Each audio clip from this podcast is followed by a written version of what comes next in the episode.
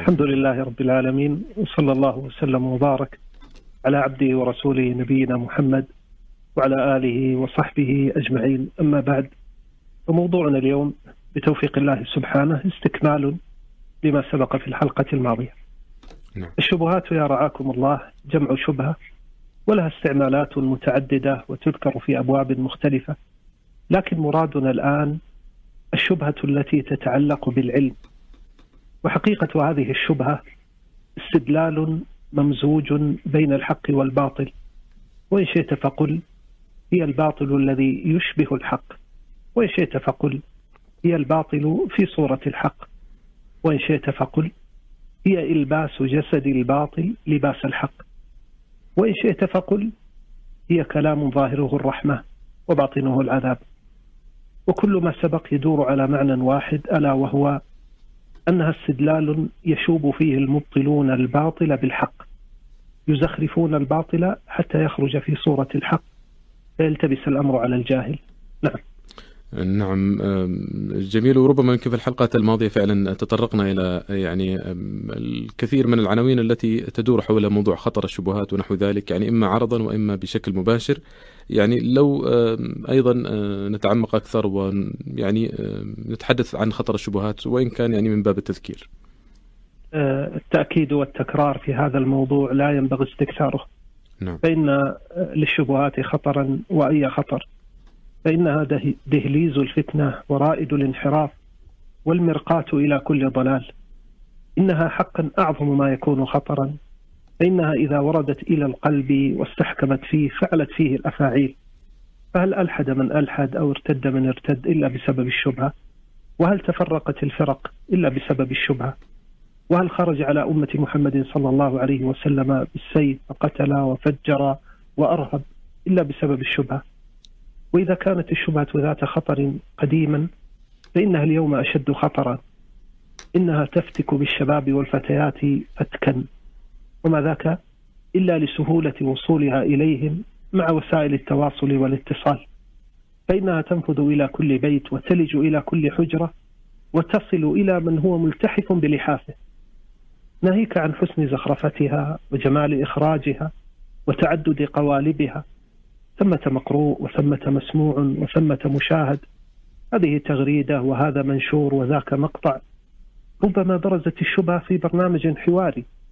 ربما تخفت في مشهد تمثيلي أو فيلم وثائق أو قصة أو رواية فإذا جمعت مع زخم حضورها تضخيم من يلقيها ثم ضممت إلى هذا ضعف الإيمان وضحالة التحصيل العلمي الشرعي أدركت حينها حجم خطر الشبهة وأنها صدقا وباء العصر الفتاك الذي يبث الحيرة وينشر الاضطراب ويحل عرى اليقين. الشبهه يا أستاذ عبد الله هي المسوق للضلالة وإلا فلو برزت الضلالة للناس بوجهها القبيح الذي لم يزخرف في شيء من الحق فإنها لن تقبل عليها النفوس. وهذا هو حقيقة اللبس الذي يقوم به أهل الضلال وهو أعظم أسلحتهم التي تفتك بعقائد الناس وأديانهم فإن كثيرا من الناس إنما يقفون عند الألفاظ وتبهرهم زخارفها دون أن يكون منهم غوص إلى الحقائق والمعاني. الله جل وعلا يقول ولا تلبسوا الحق بالباطل. لبس الحق بالباطل هو حقيقة إيراد الشبهات. نعم. نعم أحسن الله إليكم. ولعلكم يعني تحدثتم عن الشبهات وكأنها هي ما يسمونه المنطقة الرمادية التي تكون يعني بين الحق والضلال. وربما أيضا النبي صلى الله عليه وسلم في الحديث الذي تحدث وإن كان ربما من جانب فقهي بينهما أمور مشتبهات يعني أحيانا قد لا تتضح لكثير من الناس. فنأتي الآن إلى الموضوع الأهم وهو المنهج الشرعي في تعامل المسلم مع الشبهات التي تتعلق بدينه، هذا هو سؤال الحلقة ولو ندخل فيه. بارك الله فيكم. فيكم. الكلام ها هنا يتعلق بحالتين، الحالة الأولى هي حالة العافية، والحالة الثانية هي حالة الابتلاء. أما حالة العافية من الشبهة يعني أنها ما وصلت إلى النفس ولا ولجت إلى القلب الواجب الواجب ها هنا هجرانها والإعراض عنها تمام الإعراض. هذا واجب شرعي متحتم. والله تعالى يقول والرز فاهجر. والنبي صلى الله عليه وسلم يقول كما في صحيح البخاري والمهاجر من هجر ما نهى الله عنه. هذا الذي تحويه هذه الشبهة مما نهى الله عنه. فإن هذه الشبهات لا تخلو أن تكون إلا قولا على الله بغير علم أو لبسا للحق بالباطل. فهي مما نهى الله عنه قطعا. إذا واجب هجرانها. والله جل وعلا يقول وإذا رأيت الذين يخوضون في آياتنا فأعرض عنهم. أعرض فعل أمر. والأمر يقتضي الوجوب. فواجب على المسلم أن يعرض عن الشبهات بل أن يبتعد عن حماها وأن لا يقرب مرابعها أصلا. إن السلامة من سلمى وجارتها ألا تحل على حال بواديها. لا تدخل مواقع الضالين. ولا تتابع حسابات المشبوهين ولا تقرأ كتب المنحرفين ولا تشاهد مقاطع المخذولين ولا تطالع قنوات المفسدين. إذا كنت تفر من المجذوم فرارك من الأسد فكيف بمجذوم القلب والعقل والدين؟ واعلم أن شرارة الشبهة إذا دخلت إلى القلب ربما أحرق ربما أحرقته. فلا تغرنك دعوات الانحرار التحرر والانفتاح. أو شهوة حب الاستطلاع. هذه يا أستاذ عبد الله. نعم. مهارة يجب علينا أن نعود أنفسنا عليها. هي مهارة أسميها مهارة طلب السلامة. وصلك مقطع بالواتس. علمت أنه لأحد المضلين بكل ثقة وهدوء لا تفتح واحذف. قد عافاك الله من البلاء. ولم تجلب الشر إلى نفسك؟ افعل هذا استجابة لله ولرسوله صلى الله عليه وسلم. اسمع قول ربك وأتمر بأمره. يقول سبحانه وإذا رأيت الذين يخوضون في آياتنا فأعرض عنهم حتى يخوضوا في حديث غيره. وإما ينسينك الشيطان فلا تقعد بعد الذكرى مع القوم الظالمين. نعم. ونبينا صلى الله عليه وسلم يقول كما في الصحيحين نعم إذا رأيتم الذين يتبعون ما تشابه منه أولئك الذين سمى الله فاحذروهم. احذروهم. فعل أمر يقتضي الوجوب. هذا أمر نبينا محمد صلى الله عليه وسلم الذي يجب علينا اتباعه. نعم وهذه في الحقيقة هي الشجاعة. بعض الناس يظن أن هذا خور وجبن وضعف لا والله. هذه هي الشجاعة العقلية المحمودة. هذا دليل على قوة إيمانك أن الإيمان عندك غال وثمين. فأنت أحرص ما تكون على أن تحافظ عليه. ولذا تنأى بسمعك وقلبك عن أن يقر فيه شيء من الباطل. لا يخاف من الشبهات يتباعد عنها إلا عظيم اليقين قوي الإيمان شديد الخشية من الرحمن. ولا يتجرأ على أن يعرض يقينه للقدح إلا من هان عليه دينه. المهم نعم. أننا يجب علينا أن نستيقن أن الإيمان واليقين أعظم نعمة والحفاظ على النعم واجب. ومن حفظ هذه النعمة عدم الإصغاء إلى الشبهة والنأي عنها فإنها خطافة والقلوب ضعيفة. وما أحسن ما قال الإمام مالك رحمه الله مهما تلاعبت به من شيء فلا تلاعبن بأمر دينك. الشبهة وباء ولا ينبغي التعرض للأوبئة. السلامة لا يعدلها شيء. ومنع المبادئ أولى من قطع التمادي. الشبهة نوع من الفتنة.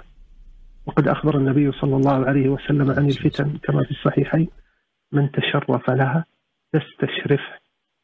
كم من إنسان اغتر بعلمه وعقله ولجأ إلى موقع أو استمع إلى ملبس فوقعت في صدره شبهة فلم تخرج منه بل صرعته وفعلت به الأفاعيل نعم. هذا يا أستاذ عبد الله كله كان عن حال العافية الحالة الثانية حال الابتلاء نعم. وهذا يقع كثيرا مع الأسف الشديد تأتي رسالة قع الإنسان على مقطع يقرأ تغريدة وربما دون أن يكون منه قصد إلى مطالعة الباطل لكن الشبهة قد دخلت إلى القلب وبدأت تؤثر فيه. فما الذي ينبغي على الإنسان أن يفعل حينئذ؟ الذي يبدو والله أعلم أنه ينبغي عليه سبعة أمور. نعم. أولا على أن على من ابتلي بهذا أن يقوى ولا يضعف أن يثبت ولا يسقط أن يتماسك ولا يهتز. أنت يا أيها المسلم قد وفقك الله إلى الحق إلى التوحيد إلى اتباع السنة. لا ينبغي أن تعصف بك كل شاردة وواردة. هذه شبهة ولتبقى شبهة وتزول بتوفيق الله وإعانته. لا تكن ضعيف القلب يؤثر فيك كل شيء كن قويا متماسكا. اعلم أن ورود الشبهة ليس دليلا على صحتها ولا حسن سبكها أمارة صدقها. ولا عدم علمك بالجواب عنها دليلا على انتفاء وجود الجواب. إذا عليك أن تكون قويا متماسكا أمامه. الأمر الثاني الجأ إلى الله بصدق وإخبات. عجل بهذا. اطلب الهداية ممن أزمة الأمور بيديه والهداية والإضلال منه. الجأ إلى الله بصدق وأبشر بالخير. فإن الله يهدي من أناب. قل إن الله يضل من يشاء. ويهدي إليه من أناب إن صدقت الله صدقك الله وأزال عن قلبك ما تراه. حذاري من أن تتكاسل في هذا الأمر. أظن أن الأمر سهل تسوف. كم من شخص وقعت في نفسه الشبهة؟ فسوف. وما دعا الله بصدق بإزالتها؟ فصرعته. ربما تعلق قلبه أيضا بالعلماء وطلبة العلم لكي يزيلوا هذه الشبهة عن قلبه أكثر من تعلقه بالله. وهذا من ضعف الإيمان والتوحيد.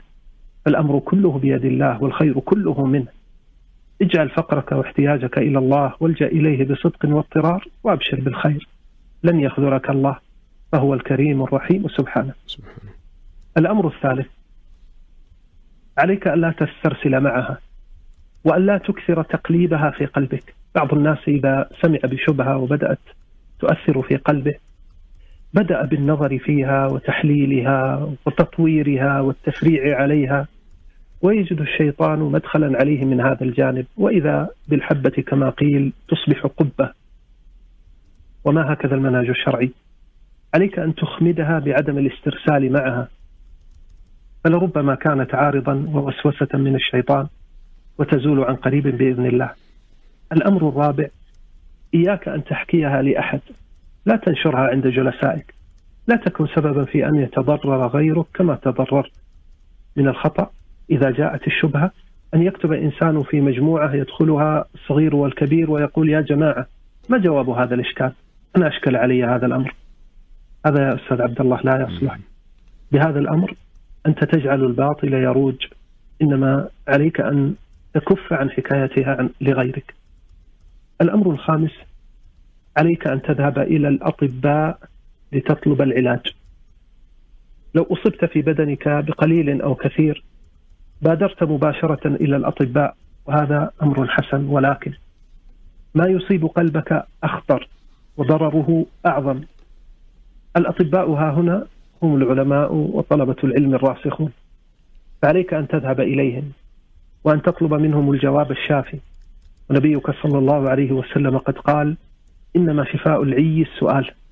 والله جل وعلا يقول ولو ردوه إلى الرسول وإلى أولي الأمر منهم لعلمه الذين يستنبطونه منهم. وأولو الأمر, وأولو الأمر ها هنا هم العلماء. فاسألوا أهل الذكر إن كنتم لا تعلمون. إذا عليك أن تذهب إلى عالم أو طالب علم متمكن تظن أن عنده قدرة على جوابك عنها تسأله فيزيل عنك الشبهة بتوفيق الله. وأنبه هنا يا أستاذ عبد الله نعم. إلى أن كثيرا من الناس اليوم أول ما ترد عليه شبهة لا يعرف جوابها فإنه يبحث عن الجواب في النت. يكتب في جوجل يكتب في يوتيوب مسألة كذا جواب كذا. وأرى أن هذا أمر ينبغي التعامل معه بقدر من اليقظة والانتباه. ليس المهم أن تجد جوابا. المهم أن تجد جوابا صحيحا من مصدر موثوق. يفيدك ولا يعمق الشبهة في نفسك. الوصية التي أوصيك بها تعامل بقدر من الحذر مع من لا تعرف في فضاءات الشبكة. نعم. الأمر السادس مهما يكن من شيء فعليك أن تستمسك بالأصول وأن ترجع إلى القواعد وأن ترجع إلى القواعد وأن ترد المتشابه إلى المحكم. فهذا نافع جدا لك. الأمر السابع والأخير تمسك بالجواب المجمل على كل شبهة. ما هو هذا الجواب المجمل؟ هذا الجواب المجمل هو معرفتك للحق كافية في معرفة بطلان ما خالفه. فماذا بعد الحق إلا الضلال؟ أي أنه لا يلزم لمعرفة بطلان الشبهة معرفة ما ينقضها على وجه التفصيل. إنما يكفي معرفة أنها شيء يعارض الحق. بمعنى الباطل يعرف من طريقين. من خلال معرفة القادح الناقض الذي يبطل الباطل وهناك طريق أخرى وهي أن تعرف الحق. إذا كل ما ناقض الحق فهو باطل. وعليه. فإذا أتاني ملبس بشبهة تتعلق بالربوبية بالنبوة بالقرآن بالسنة بالأحكام وأنا لا أعرف جوابها فسأقول له وأنا مطمئن أنت أتيتني بشيء أنا لا أعرف جوابه تفصيلا. هو عندي مشتبه ولا مشكلة في أن يبقى مشتبها لكنني أقطع أنه باطل والدليل أنه معارض للحق ولا يمكن أن يكون شيء يعارض الحق إلا وهو باطل. هذا هو الجواب المجمل النافع. نعم. نعم. وكل ما تفضل. وكل ما سبق يا أستاذ عبد الله هو في حق عامي أو مبتدئ. أما بالنسبة للعلماء طلبة العلم الراسخين فإن المتعين في حقهم أن ينهضوا إلى كشف الشبهات ونقضها مع مراعاة الحكمة في ذلك وهنيئا لمن وفقه الله ليذب عن دين الله عن كتاب ربنا وعن سنة نبينا محمد صلى الله عليه وسلم. نعم. اللهم صل وسلم على نبينا محمد. شيخ صالح أنتم المشرف على لجنة يقين وذكرتم من الحلول خامس الحلول اذهب للأطباء لطلب العلاج من أهل العلم الراسخين. ويعني كثير من الناس ربما يتجه مباشرة إلى إلى يعني مثل ما ذكرتم إلى الشبكة العنكبوتية ويدخل على المواقع بحثا عن إجابة. فما أدري إذا كان لديكم في لجنة يقين مثلا منصة تستقبلون من خلالها أسئلة الشباب أو يوجد مثلا فيها أبرز الأسئلة الشائعة مثلا في العقيدة ونحو ذلك؟ نعم عندنا رقم واس حفظكم الله نعم. وعندنا أيضا بريد إلكتروني يعني نستقبل من خلالهما الأسئلة ونجاوب عليها بقدر الإمكان. جميل وموجوده نعم. موجودة على منصات لجنة يقين في مواقع التواصل الاجتماعي. في مواصل التوا... في مواقع التواصل نعم موجودة إن شاء الله تعالى ولعلي إن شاء الله في الحلقة القادمة أيضا أقدمها بين أيديكم بإذن الله. بإذن الله الله يعطيكم العافية.